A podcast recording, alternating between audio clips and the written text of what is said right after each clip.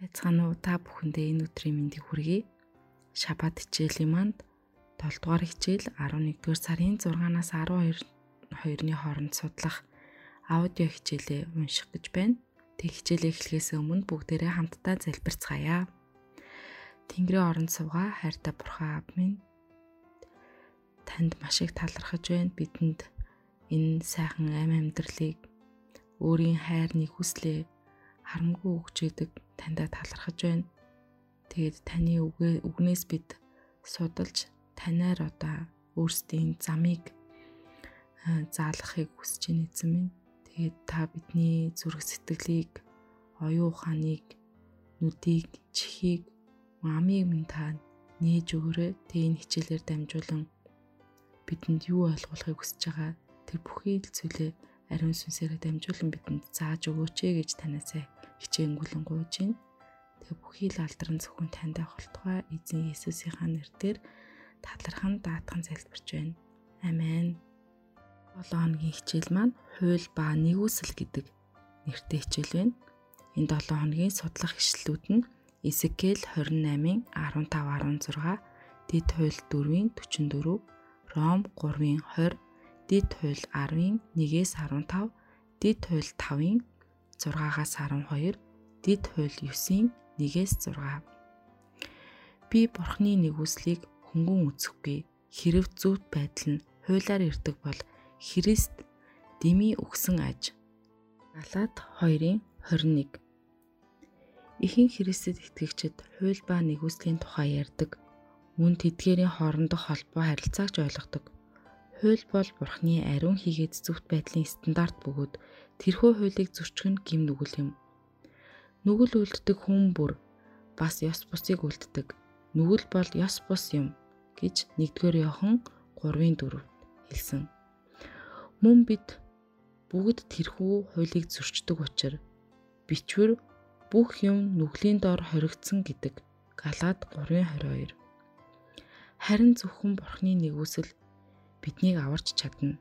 Нэгүслийн учир итгэлээрээ аврагдсан нь та нараас бус харин Бурхны бэлэг юм. Эфес 2:8. Мэдээж хэрэг 10 хуулийн нэг болох 7 дахь өдрийн амралтын өдрийн тухайд бяцхан нарийн ширийн зүйлс бий. Гисэн хэдий ч янз бүрийн шалтгааны улмаас олон Христэд итгэгчид одоо хүртэл 7 дахь өдрийн шаббат өдрөөс татгалцаар ирсэн. Үүнийгээ зөвтгөхийн тулд олон шалтгаан тоочдог.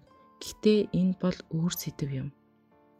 Библийн турш янз бүрийн байдлаар олон хувилбараар илэрхийлэгддэг.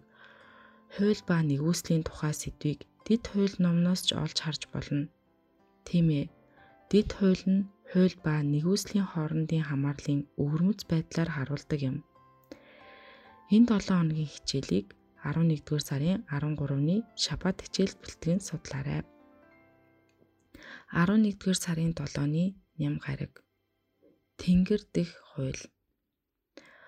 Бурхан бол хайрын бурхан бөгөөд хайр бол түүний зан чанарын гол зарчим хийгээд түүний хаанчлалын үндэс суурь юм. Мөн бурхан биднэр өөрийгөө хайрлуулахыг хүсдэг учраас тэрээр биднийг ёс зүйтэй бүтээсэн бөгөөд мөн ёс зүйн эрхчлөө буюу хайраас ирдэг төрлөх эрхчлөөтэй бүтээсэн. Ёс зүйн эрхчлөөний ойлголтын гол зүйл бол ёс зүйн хууль юм. Moral law. Атмын нэгжүүд далайн давлгаа, имж зэрэг нь хэдийгээр байгалийн хуулийг дагаж мөрддөгч ёс суртахууны хуулийг дагаж мөрддөггүй мөн тгийг шаардлагагүй ч үгүй билээ. Энэ нь зөвхөн ёс зүйтэй бүтээлд хамааралтай зүйлс юм. Тэнгэрд ч гэсэн бурхан тэнгэр элч нарт зориулсан ёс суртахууны хуультай байдаг. Люцифер хэрхэн гим нүгэлд унсан тухай Изекиэл 28-ын 15 16-аас уншина уу. Түүнээс гажуудал олдож тэрээр бас нүгэл үлдсэн. Эдгээр үгсийг тэнгэрд болж буй үйл явдалд ашигласан нь тэнгэрд ч мөн ёс суртахууны хууль байдаг тухай юу харуулж байна вэ? Хорон муу буюу гажуудал ба нэг нүгэл үлдсэн гэсэн нь хоёулаа хүмүүс бидний дунд хэрэглэгддэг үг юм. Харин бичээс бүтээлийн өөр нэгэн хэсэг болох тэнгэрд болсон үйл явдалд эдгээр үгсийг мөн ашигласан. Энэ нь Тэнгэрт мөн дэлхий дээр байдаг ижил зүйлийн талаар бидэнд илчилж байна. Тэгвэл бид юу ярих вэ? Хууль нь нүгэл үү? Огт үгүй. Гэхдээ хуулиар биш бол би нүглийг мэдэхгүй байхсан.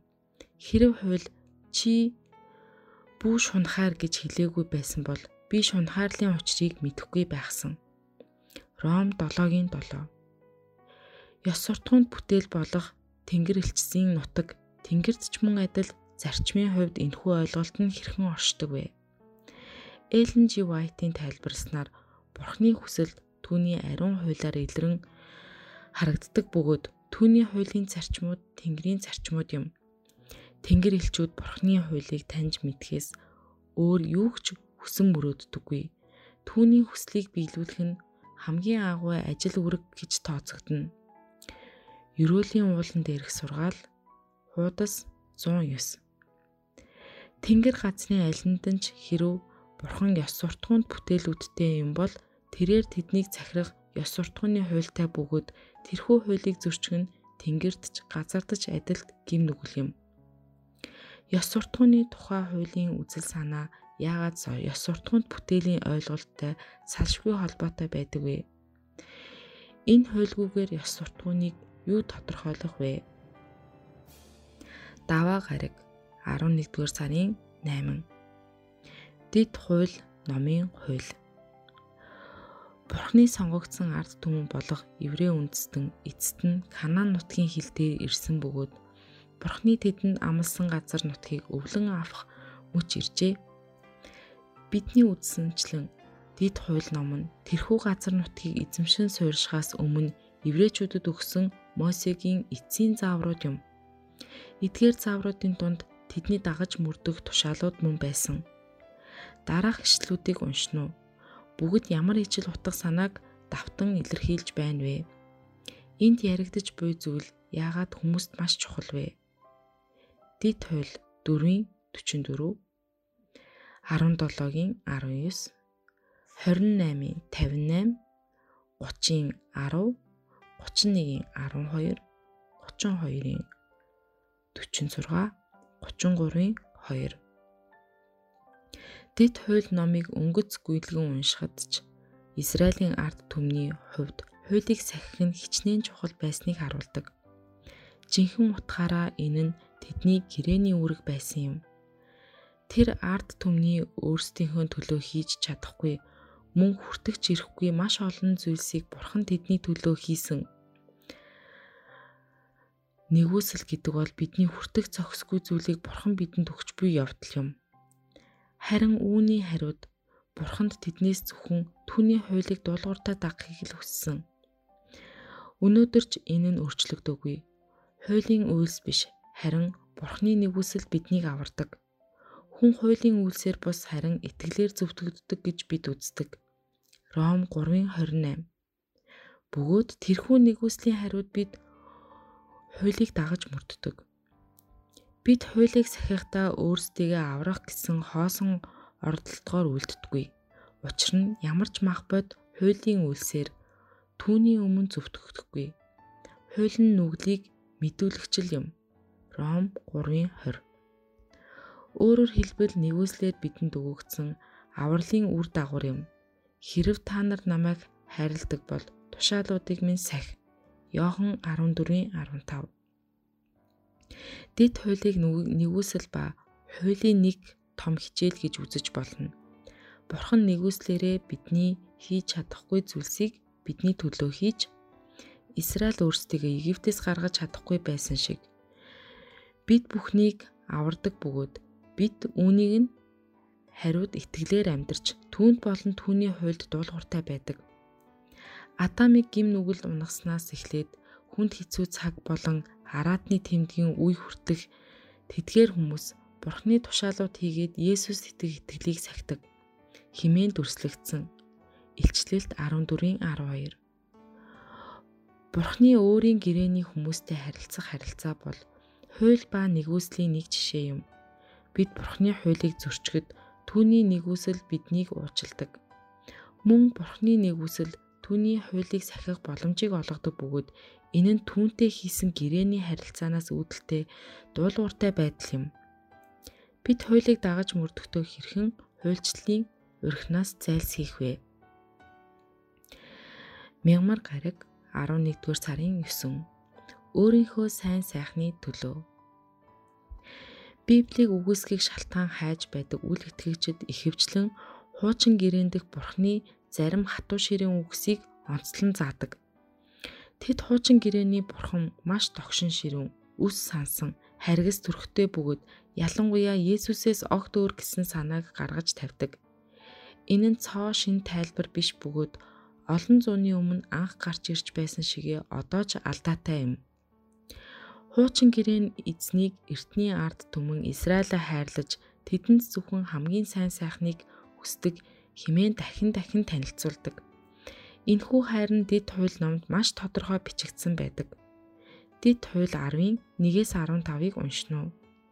Эдгээр ишлүүдтэй шууд холбогдох сэдв юу вэ?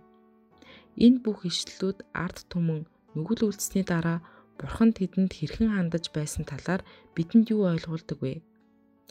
Мөн нэгүслийн тухай бидэнд юу заадаг вэ? Эдгээр ишлээс Бурхны Израилийг гисэн нэгүсэл хайр харагддаг.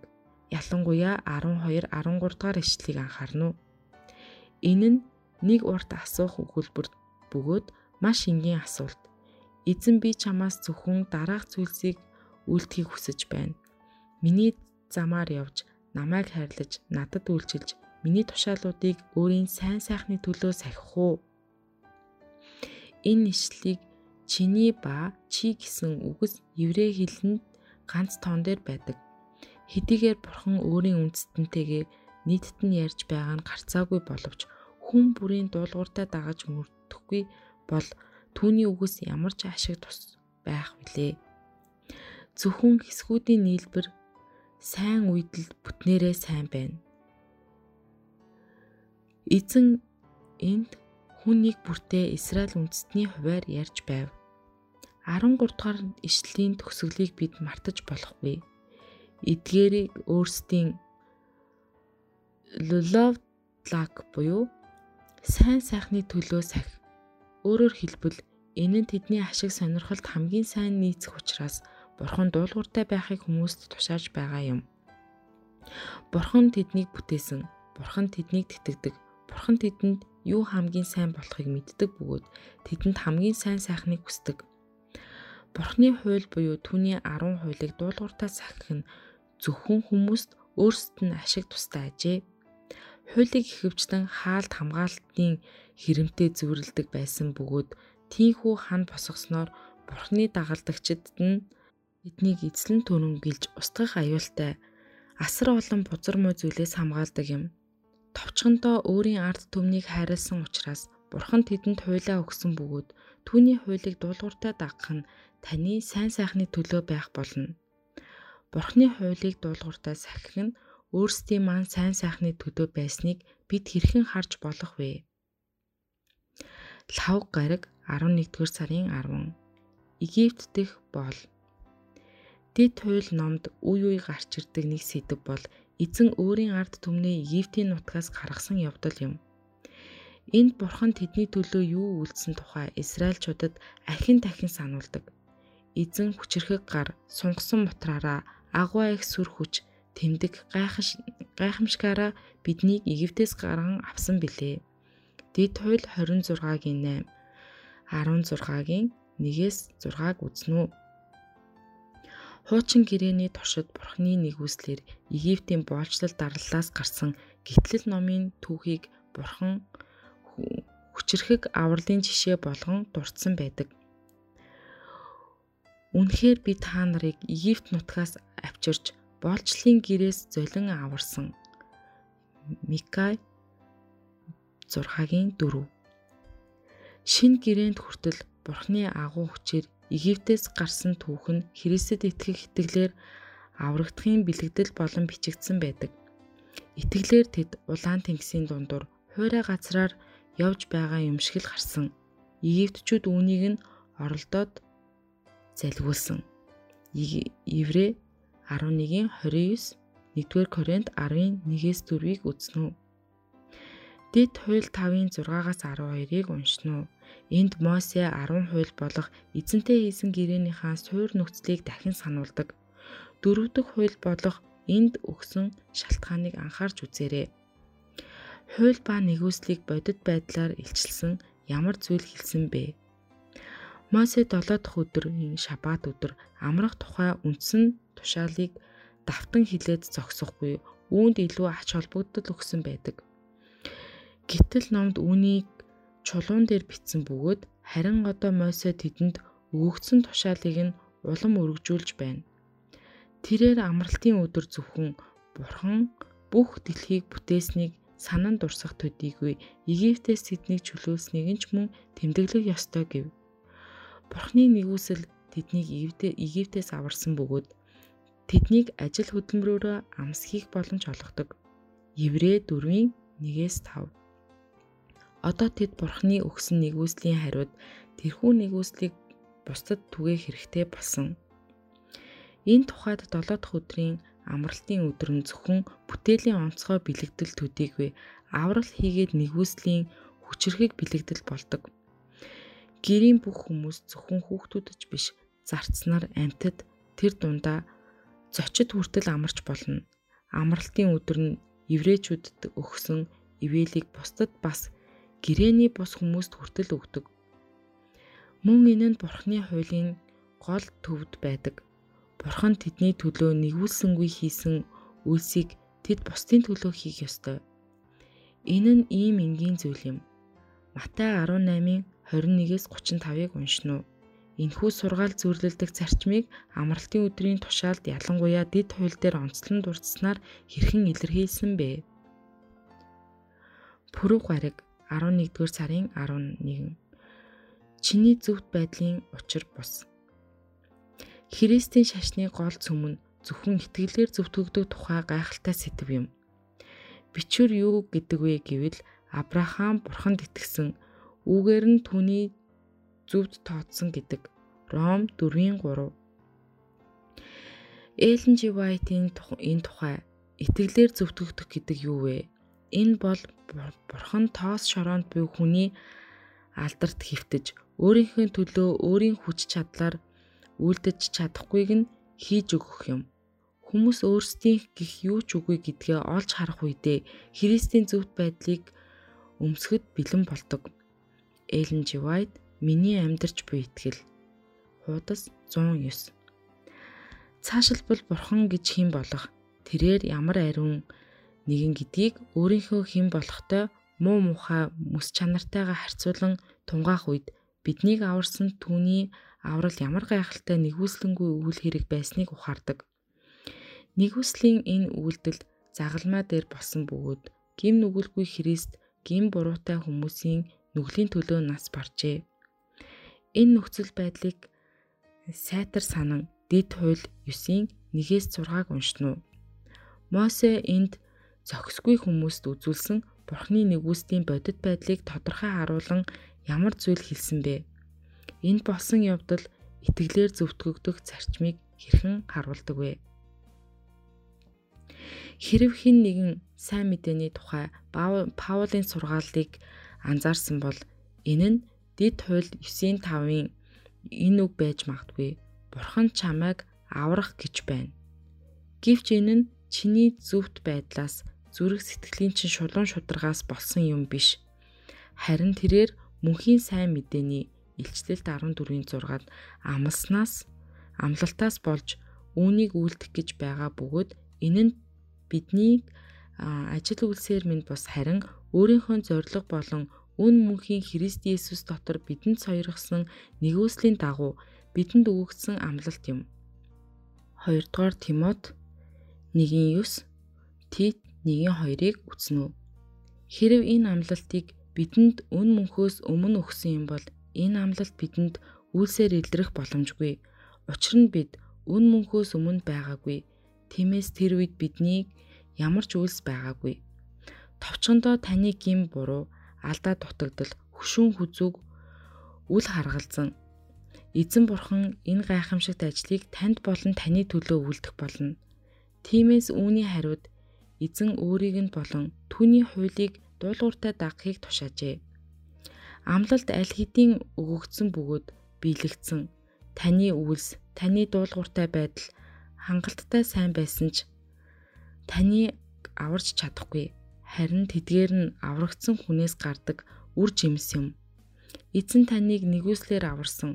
Одоо таны зүрх сэтгэлд бичигдсэн түүний хуулийг хадгалж танд хүч чадал өгч буй түүний сүнстэй хамт явж түүний хуулийг даг. Баасан гараг 11-р сарын 12-нд гүнзгийрүүлэн судлах. Тэнгэрдэг бурхны хуулийг эсэргүүцсэн Христийн дайсан чадварлаг бэлтгэгдсэн жанжны хувьд тэрээр нүглийн цорын ганц жинхэнэ илрүүлэгч зөвхт байдлын хим химжээ болох бурхны хуулийг хүчингүй болгохын тулд бүх хүчээрээ ажиллаж хуурам мэхлэлтээр дүүрэн арга хэрэгслийг нэг нэгээр нь гаргаж байна. Ellen White Review and Herald 1890 оны 11-р сарын 18 Хоёр их найд галактик сансар окторгыг чатаж байдаг. Галактик бүр 100 тэрбум оддоос бүрддэг. Энэ 100 тэрбум гэсэн үг тус бүр 100 тэрбум одтой хоёр их найд галактик гэхээр хоёрын ард асар олон тэгтээ од болж байна. Одоо энд бол оршин тогтнох зарчим. Альва зүйлийг төсөөлж бүтээсэн бүхэн бүтээлээсээ илүү агуу байх ёстой. Пикассо бол өөрийн уран бүтээлээсээ агуу бөгөөд түүнийгээ давж гардаг. Тэгвэл бидний сансар окторгуйг зохион бүтээсэн бурхан сансар окторгуйгаас илүү агуу, илүү гайхамшигтай байх ёстой. Үүнийг санаж дараах ишлэлийг бодоод үзээрэй. Эхэнд үг байсан ба үг бурхантай хамт байсан агаад үг нь бурхан байв. Тэрбээр эхэнд бурхантай хамт байсан. Бүх юм түүгээр бий болсон. Бий болсон юмсаас төнгөгээр бий болсон юмс гэж нэг ч үгүй. Йохан 1-ийн 1-ээс 3. Өөрөөр хэлбэл хоёрын ард асар олон тэгтээ од болон бусад бүх зүйлийг бүтээсэн бурхан. Тэр юу хийсэн гинэ? Тэр агшиж хүний хүүхэд болон мэндэлж нүгэлгүй амьдралаар амьдарч эцэст нь загалмаа дээр нас барсан. Бидний нүгэл бузар муугийн шийтгэлийг үүрсэн бөгөөд ингэснээр бид мөнх аймын амлалтыг авах боломжтой болсон. Бидний өмнө энхүү агуу үнэн байна. Загалмай дээр Есүс Христээр бидэнд өгөгдсөн нэг хүсэл. Бурхан хариуд нь биднээс юу хүсдэг вэ? Энэ бүхнийг дүгнээд сонирдуулахад Бурханаас имэж түүний тушаалуудыг дагах түн. Энэ нь хүн бүхэнд хамаарна. Номлогчийн үгс 12-ын 13. Гүнзгийр үлэн судлах 1. Даваа гаргийн хичээлийн төгсгөлийн асуултыг дахин ярилцсан уу? Бурхны хууль буюу 10 хуулийг дөрөвдөг хуулийг оролцуулаад сахидаг гэж итгэдэг хүмүүс хуульчрахлын урхинаас хэрхэн зайлсхийж болох вэ? Дуулууртай байдал бүр хатуу, говьшгүй дуулууртай байдал нь хуульчрахлаас юугаараа ялгаатай вэ? Энэ хоёрын ялгааг бид яаж мэдэх вэ? 2. 10 хуулийг зөрчсөн хүмүүс гим нүглийнхээ улмаас аимшигтай үр дагаврыг амссан тухай танд сонссон эсвэл өөрт тань тохиосон ямар түүхүүд байдаг вэ? Тэдгээр түүх бидэнд хууль бол Бурхны бидэнд бидний гих хайрын бодит байдал болохыг хэрхэн харуулдаг вэ? 3. Загалмай бидэнд яагаад деважинд хүрэх бидний хичээл зүтгэлийг дэмий хоосон гэдгийг харуулах ёстой вэ?